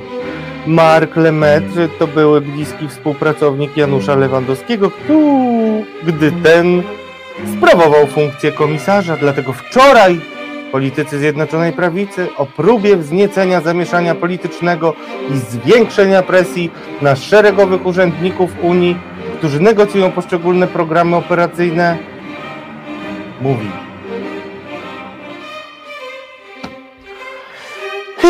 Co więcej, okazuje się, że głos w sprawie zabrał także minister Ziobro, który, drodzy Państwo, powiedział tak, Zablokowanie środków europejskich należnych Polsce odpowiadają Platforma Obywatelska i Donald Tusk wraz z politykami niemieckimi, którzy udzielają im w tym wielkiego wsparcia na czele z Niemką, panią komisarz von der Leyen, szefową Komisji Europejskiej. Interesem Donalda Tuska, Platformy jest przyjęcie władzy w Polsce. Jest spowodowanie, aby wybory, które w normalnych, w warunkach demokratycznych nie mają szans na przywrócenie Tuska do władzy, bo skompromitował się jako polski premier, a później skompromitował się jako szef Rady Europejskiej, który reprezentował interesy nie Polski, lecz Niemiec, powiedział Zbigniew Ziobro na konferencji w Ministerstwie Sprawiedliwości. Dodał też, że szefowa komisji w sposób butny i cyniczny namaściła niejako pana Donalda für Deutschland na premiera. W zasadzie zdjęła maskę i pokazała o co chodzi w tych sankcjach, czyli warunkowość i władzę komisji, jeśli chodzi o KPO. Chodzi o naciski na władzę polityczną, szantaż polityczny, aby wyborcy wybierali tak jak chcą tego Bruksela i Berlin, podkreślił Ziobro. Krzysztof Sobolewski krótko i na temat skomentował za to czym będzie teraz zajmował się następca Konrada Szymańskiego, który, jak przypomnę, był mm, prawą ręką ostatniego Europejczyka Mateusza Morawieckiego, dopóki nie e, zażądała jego głowy Solidarna Polska, co sprawiło, że tylko kwestią czasu będzie, aż ta głowa na stole, na tacy Ziobry wyląduje. Co powiedział o zmianie na e, pana wiceministra Szymona Szynkowskiego w Semka? Pan Krzysztof Sobolewski. Tak. Skracając tą wymianę zdań, nie będziemy starali się rozmawiać z pomocnikami, a z głównym lalkarzem, czyli Berlinem. Pan minister Szynkowski-Welsenk relacje polsko-niemieckie czy sprawy niemieckie zna bardzo dobrze. Szynkowski-Welsenk wiedział, co ma powiedzieć i oznajmił. Teraz jest raczej co innego ważne, żeby wreszcie instytucje europejskie rozpoczęły wywiązywanie się ze swoich zobowiązań. To jest dzisiaj mój cel, mówił wczoraj, czyli w poniedziałek w Polskim Radiu Szynkowski-Welsenk. Wszystko jasne? Zła opozycja, ludzie dawnych, ludzi Platformy, wszystko jasne. No jak dla mnie wszystko jasne. Gdyby mnie nie przekonały smyczki, to e, charakterystyczne westchnięcia Radka e, tutaj e, dokonywały tego, tego postawienia kropki nad i, jeśli chodzi o krytykę, którą mamy. Zauważcie Państwo, że cała, cały ten dyskurs, który w tej chwili prowadzi w zasadzie obóz rządzący sam ze sobą, bo przecież e, oni, e, oni nie do nas to mówią, bo mam wrażenie, że my jesteśmy dokładnie odporni akurat na te teksty, na inne niekoniecznie. E, To, proszę Państwa, no, stare powiedzenie, dziad o gruszce, baba o pietruszce.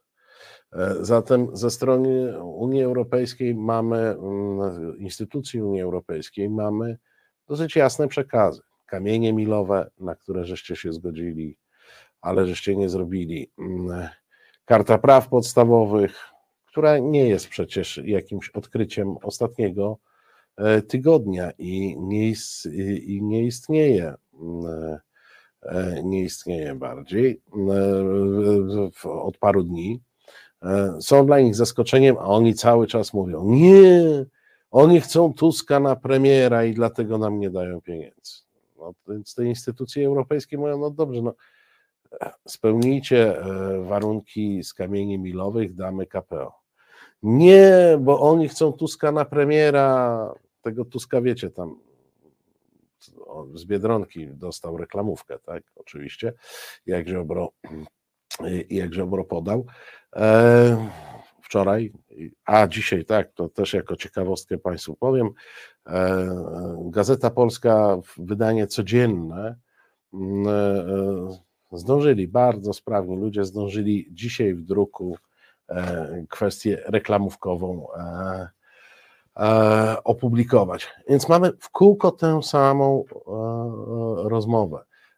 Ich szaleństwa związane, e, ich szaleństwa związane e, z e, Tuskiem i z fobią, i z tuskofobią, która jest mm, e, e, jakąś, e, e, e, jakąś manią tego, tego środowiska, a z drugiej strony no pokazują, pokazują, co my Państwu także, to, to jest w tej chwili jawne, to, to już przestali się e, przestali się zupełnie e, ukrywać, przestali się zupełnie ukrywać. Im po prostu e, wartości cywilizacji europejskiej są obce.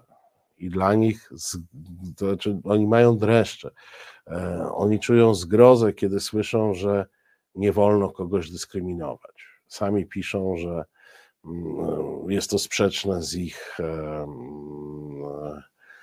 z ich em, systemem e, moralnym. Nie wiem, jaki to system, e, no ale jakiś, e, e, jakiś e, ma.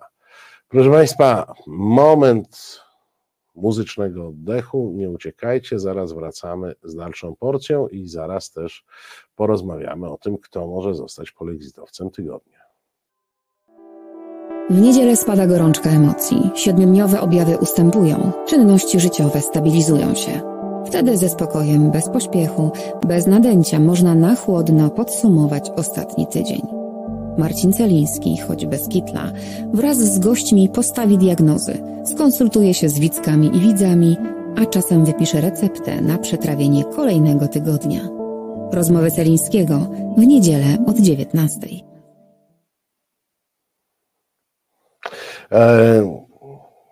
wróciliśmy, proszę Państwa. E, e, wróciliśmy. Ja oczywiście zapraszam także na rozmowę Celińskiego w najbliższą niedzielę. Moim gościem będzie Paweł Sito, ale wracamy do bez wyjścia e, i do Polexit Newsów.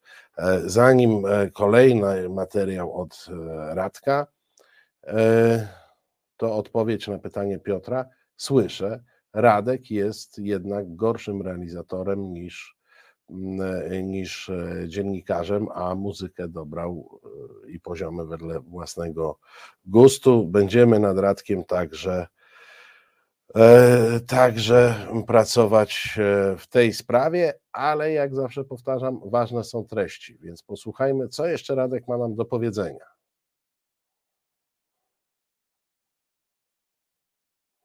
Eurokraci grożą, że zablokują wypłatę unijnych funduszy dla Polaków. Zasugerował to jeden z dyrektorów w Komisji Europejskiej, którego wypowiedź zacytowały media. Jako powód wskazał spór o reformę polskiego sądownictwa. Z jednej wyciętej z kontekstu wypowiedzi e, tworzy się wrażenie zablokowania środków unijnych dla Polski. Polski rząd nie otrzymał z Brukseli żadnego oficjalnego dokumentu w sprawie blokowania unijnych funduszy i wszystko wskazuje na to, że nie otrzyma. Problemy sądownictwa nie mają wpływu na wykonanie budżetu i w związku z tym nie ma takiego zagrożenia, żeby komisja wstrzymała fundusze spójności czy fundusze rolne dla Polski. Stwierdzam stanowczo, nie ma takiego zagrożenia. W podobnym tonie już miesiąc temu wypowiedział się unijny komisarz do spraw budżetu Johannes Hahn, wyjaśniając, że Polska inaczej niż Węgry nie musi obawiać się uruchomienia mechanizmu warunkowości wypłat unijnych funduszy. W przypadku Polski nie dostrzegliśmy wystarczająco bezpośredniego związku między problemami sądownictwa i zagrożeniami dla funduszy Unii Europejskiej. To oficjalne stanowisko Komisji Europejskiej. Jednak niższy rangą urzędnik Komisji Europejskiej Mark Lemaitre, dyrektor generalny do spraw polityki regionalnej, twierdzi, że choć Komisja zaakceptowała, iż polskie programy operacyjne, to Bruksela nie będzie refundować realizowanych projektów. Wszystko przez to, że według niego w Polsce sądy nie są bezstronne. To horyzontalny warunek. Nie dotyczy poszczególnych sektorów, ale całości funduszy. I dopóki on nie będzie wypełniony przez Polskę, płatności nie będą zwracane przez Komisję Europejską. Te rachunki będą czekać. nagle urzędnik usiłuje kierować komisarzem. Chyba pan dyrektor pomylił swoją rolę, uznając, że wolno mu decydować o pozbawianiu państw członkowskich funduszy. Komentatorzy głośno zadają pytanie, dlaczego jeden z urzędników publicznie kwestionuje stanowisko unijnych komisarzy? Niech Państwo zauważą w CV pana, e, o którym dzisiaj mówimy, kim on był. Szefem gabinetu Janusza Lewandowskiego, Danuty Hibner. Wierzycie, że przypadkiem jest to, że to były dyrektor gabinetu Janusza Lewandowskiego i Danuty Hibner wypowiada takie rzeczy, które służą później temu, aby budować taką atmosferę dotyczącą środków unijnych? No, Pozostawiam to tym, którzy nas oglądają własnej ocenie, ale myślę, że to dużo mówi, e, w jaki sposób ta cała narracja jest konstruowana.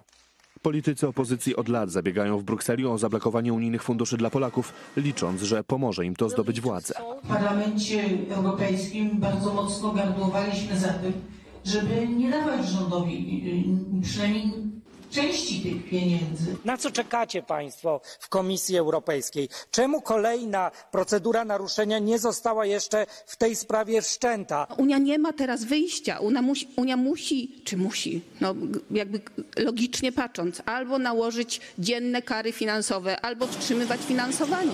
Europosłowie opozycji wielokrotnie popierali rezolucje Parlamentu Europejskiego skierowane przeciwko Polsce. My mamy w Polsce partię niemiecką i ten wybór, który jest przed nami, to jest wybór polska partia lub partia niemiecka i jej sojusznicy, którzy na wszystko są gotowi. Politycy Zjednoczonej Prawicy mówią wprost, że eurokraci szantażem finansowym chcą wymusić na Polakach przywrócenie Donalda Tuska do władzy. Tankę. Niemcy i Tusk mają wspólne interesy, a Donald Tusk udowodnił, że jest bardzo uległym, realizującym interesy niemieckie politykiem. Tak naprawdę w wymiarze politycznym można powiedzieć, że jest niemieckim kola- kolaborantem w wymiarze politycznym. Eurokraci, którzy chcą odebrać Polakom unijne fundusze, powołują się na kartę praw podstawowych, twierdząc, że Polska nie wypełnia jednego z artykułów dotyczącego bezstronnego sądownictwa. Jednocześnie pomijają fakt, że Polska już kilkanaście lat temu uzyskała klauzulę ograniczającą stosowanie karty w przypadku naszego kraju. Nie damy się szantażować, jesteśmy otwarci do dialogu, konstruktywnego dialogu, ale po drugiej stronie musi być partnerskie e, podejście i uwzględnienie ram prawnych. Dowodem na stosowanie przez Brukselę podwójnych standardów jest przypadek Niemiec. Wobec Berlina eurokraci nie podnoszą zarzutów o upolitycznienie wymiaru sprawiedliwości, choć niemiecki system wyboru sędziów jest ściśle powiązany z polityką. Niemieckim sędziom grozi też postępowanie karne za złożenie bez zgody przełożonych pytanie prejudycjalnych do Unijnego Trybunału Sprawiedliwości. Adrian Borecki, Wiadomości. No i proszę Państwa, opowiedzieli o tym wszystkim, o czym ja opowiadałem przed chwilą, ale Państwo zauważyli, że opowiedzieli jakoś inaczej.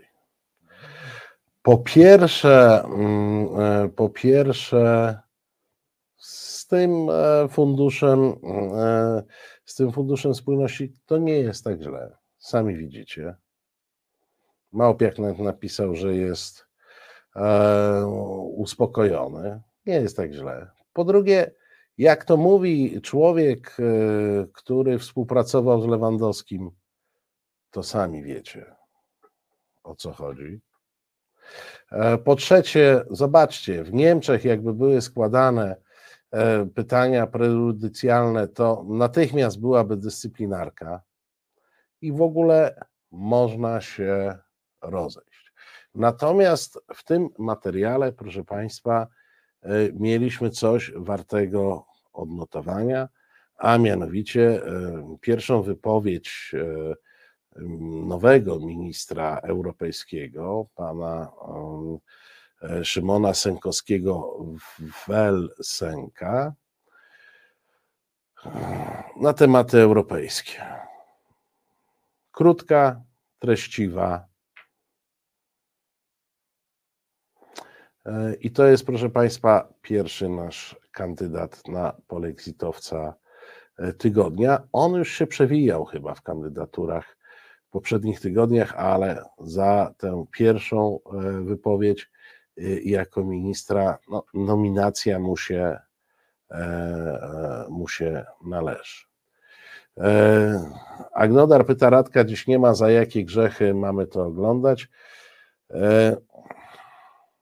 Bardzo, bardzo zgrzeszyliśmy, proszę Państwa, że mamy chociażby pana Sękowskiego, Welsenka e, jako ministra do spraw e, europejskich i jak ktoś pyta, to konkretnie za te grzechy.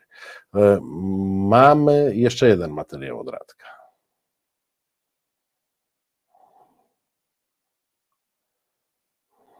Wiedzą Państwo na pewno, że tylko e, Polska i tylko PiS tak autentycznie walczy e, z reżimem Władimira Putina i tylko Polska i PiS autentycznie wspiera Ukraińców w ich obronie własnego kraju i narodu.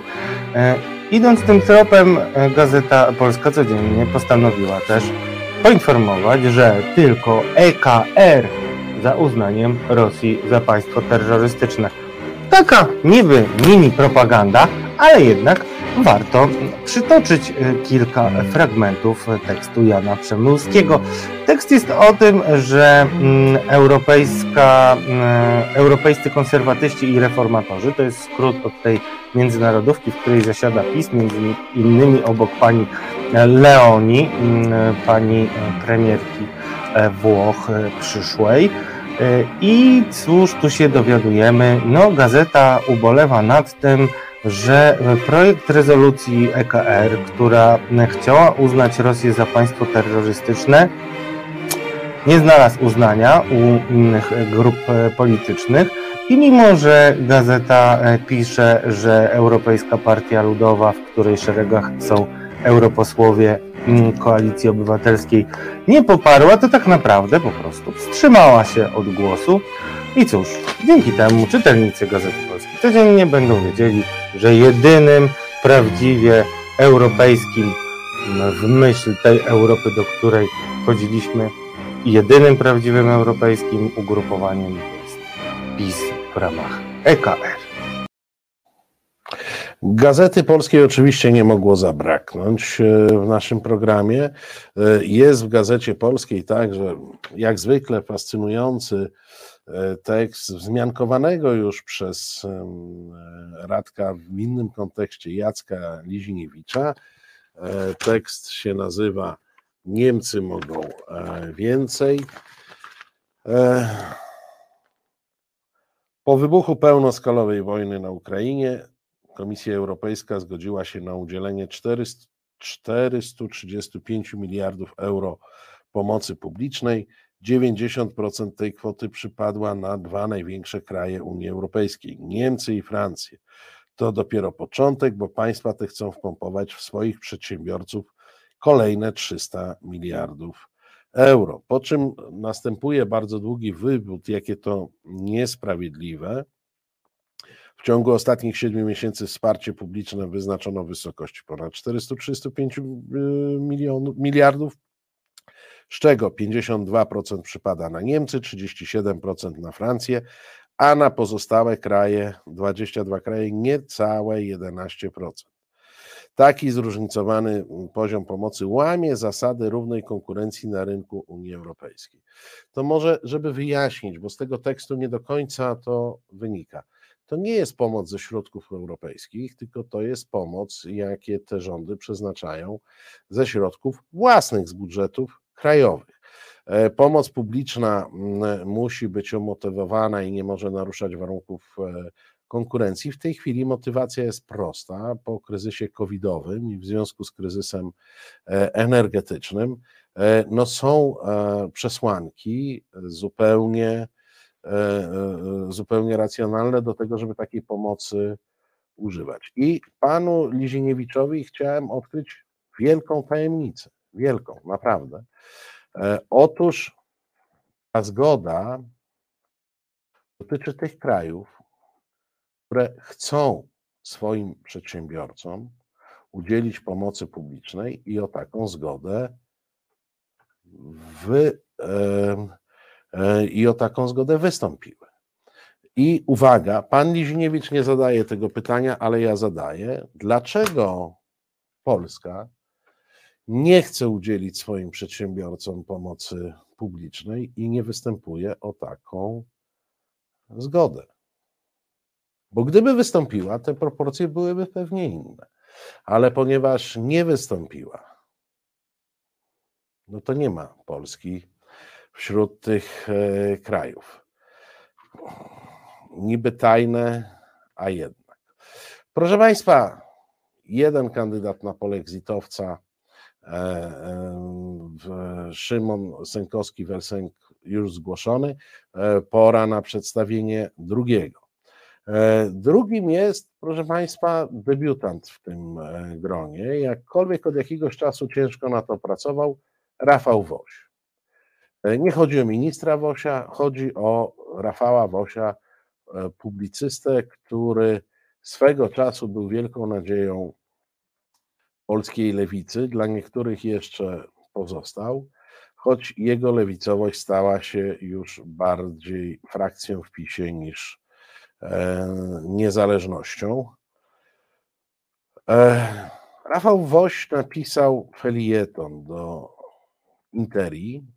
Rafał Woś jest w ogóle od dłuższego czasu używany przez PiS do takiego przekazu e, do osób e, o lewicowych e, poglądach, które są odporne na bezpośredni przekaz pisowski, w związku z czym trzeba im podać ten sam przekaz, lepiej opakowany w znośniejszej formie. Rafał Woś pisze w Interii w ten sposób. Polexit to był przez parę lat największy fake news polskiej polityki, ale już nie jest. Podziękujmy za to unijnym elitom, bo to Bruksela i Berlin wywołały w ostatnich miesiącach ogromną robotę, by rozbudzić w Polakach słuszny gniew na Unię. Unijny establishment broni się na wszelkie sposoby przed jakąkolwiek korektą własnych błędów. Nie ulega dla mnie większej wątpliwości, że pieniądze na KPO, choć się Polsce z każdego punktu widzenia należą, nad Wisłę jednak nie popłyną. nie wydarzy się to aż do wyborów 2023 roku. Tych euro nie będzie, bo w Brukseli, w nawiasie i w Berlinie e, zapadła decyzja o złagodzeniu niegrzecznej, o zagłodzeniu, przepraszam, niegrzecznej e, Polski. E, Ostatnio pojawiają się medialne przecieki, że zamrożone zostaną też środki z innych funduszy. Nie dziwię się, jeśli tak właśnie będzie. Więcej nawet. Takie posunięcie mieści się doskonale w logice głodzenia. Skoro unijny establishment porzucił już wszelką, choćby ukrywaną bezstronność, to będzie chciał jeszcze bardziej odciąć powietrze wrażemu pisowskiemu rządowi. Sprawić, by polscy wyborcy zrozumieli w końcu, co dla nich naprawdę dobre.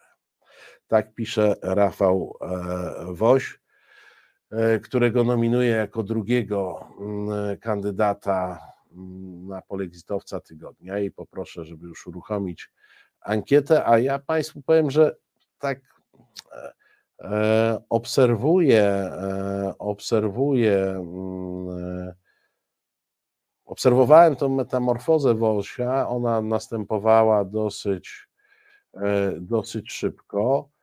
Mm. Proszę Państwa, on napisał tekst, który przecież e, zmieściłby się e, spokojnie i w sieci, i w, do rzeczy, i w gazecie polskiej. E, I w zasadzie nie odróżnilibyśmy e, tekstu Rafała Wosia e, od tekstów Jacka Liziniewicza, Jacka Karnowskiego czy jakiegoś innego orła. Powiem Państwu, że ja to mówię mimo wszystko z, z, jakimś, z jakimś ubolewaniem, bo ja rzadko kiedy zgadzałem się z em, Wosiem w jego różnych diagnozach. Jest, on jest takim klasycznym na mój gust ultralewicowym etatystą, a, ale uważałem, że on wprowadza, że on wprowadza pewien ferment, em, że on em, próbuje gdzieś tam e, pobudzić e, lewicę do e, myślenia i uważałem, że to jest cenne. E, No, od dłuższego czasu Rafał Woś, e, nagradzany przez e, prezesa Gelapińskiego, bo on tam i dziennikarzem ekonomicznym roku był chyba według MBP za jakieś ciężkie pieniądze i tak dalej. Od jakiegoś czasu Woś jest po prostu kolejnym pisowskim propagandzistą. E, I e, patrzę na to e, no, jednak z jakimś takim niesmakiem i, i rozczarowaniem, bo po pierwsze przestał być ciekawy, po drugie przestał być oryginalny, po trzecie stał się tak jak wszyscy zatrudnieni przez mm, PiS e, dziennikarze, którzy z dziennikarzy czy publicystów stają się pracownikami mediów, którzy tłuką w kółko to samo. Ja Państwu gorąco rekomenduję Wosia, a mm, e, ponieważ program zbliża się do końca, e, patrzę, mało głosów mamy w ankiecie. No frekwencja jest, proszę Państwa, taka, jakbyście e, zupełnie nie chcieli głosować w żadnych wyborach. Apeluję do Was, apeluję do Was. 300 osób nas ogląda, w ankiecie padło 60 głosów. Apeluję, głosujcie. E, e, Wojtek Polak pisze, głosuje na Wosia, niesamowity przypadek upadku człowieka. E, Wiecie Państwo, gdybym ja głosował, zagłosowałbym na Wosia, bo to jest zjawisko naprawdę oryginalne. Szymon Sękowski-Welsenk ma wielkie zasługi, ale on był formowany do tego, żeby e, robił to, co robił. E, Woś, em, Woś jest człowiekiem, który przeszedł dziwaczną e, e, metamorfozę i już nie mówię o metamorfozie politycznej, bo jakieś tam poglądy można sobie zmienić, ale przejście z dosyć oryginalnego lewicowego e, publicysty na e, 158 powtarzającego przekaz władzy, to jest naprawdę bardzo, bardzo wielki e, upadek. A, ja się zastanawiałem, proszę Państwa, bo powiem Państwu, że doszedłem do wniosku, co jest największym stresem przy przygotowywaniu, mm, e, e, przy przygotowywaniu tego programu. Otóż od czasu do czasu, jak kupuję te gazety, to w tym tutaj niedaleko takim sklepiku, gdzie jest prasa, bywa parę osób E, I dzisiaj się złapałem na tym, że jak ja tak mówiłem, to ja poproszę Gazetę Polską, Gazetę Warszawską do rzeczy, że oni wszyscy na mnie bardzo dziwnie e, spoglądali. I taki się poczułem zestresowany. Być może tutaj w towarzystwie sąsiedzkim e, Resetu Obywatelskiego mogę uchodzić za jakiegoś zażartego pisowca dzięki moim wyborom e, w zakupie e, prasy. Dlatego, proszę Państwa, żeby nie było, to jest reklamówka z Biedry. Proszę bardzo, czy wszyscy zobaczyli? Ja te wszystkie gazety, proszę Państwa, zapakuję tę reklamówkę z Biedronki. Pan wie, kto po niej stąpał i co w niej nosił i zastanowię się, komu ją, e, e, komu ją e, przekazać. Ale gdyby ktoś pytał, gdzie jest reklamówka z Biedry, na razie jest w resecie, zastanowię się, co z nią zrobić. Dalej, proszę Państwa, zbliżamy się do końca. Ostatni moment na głosowanie.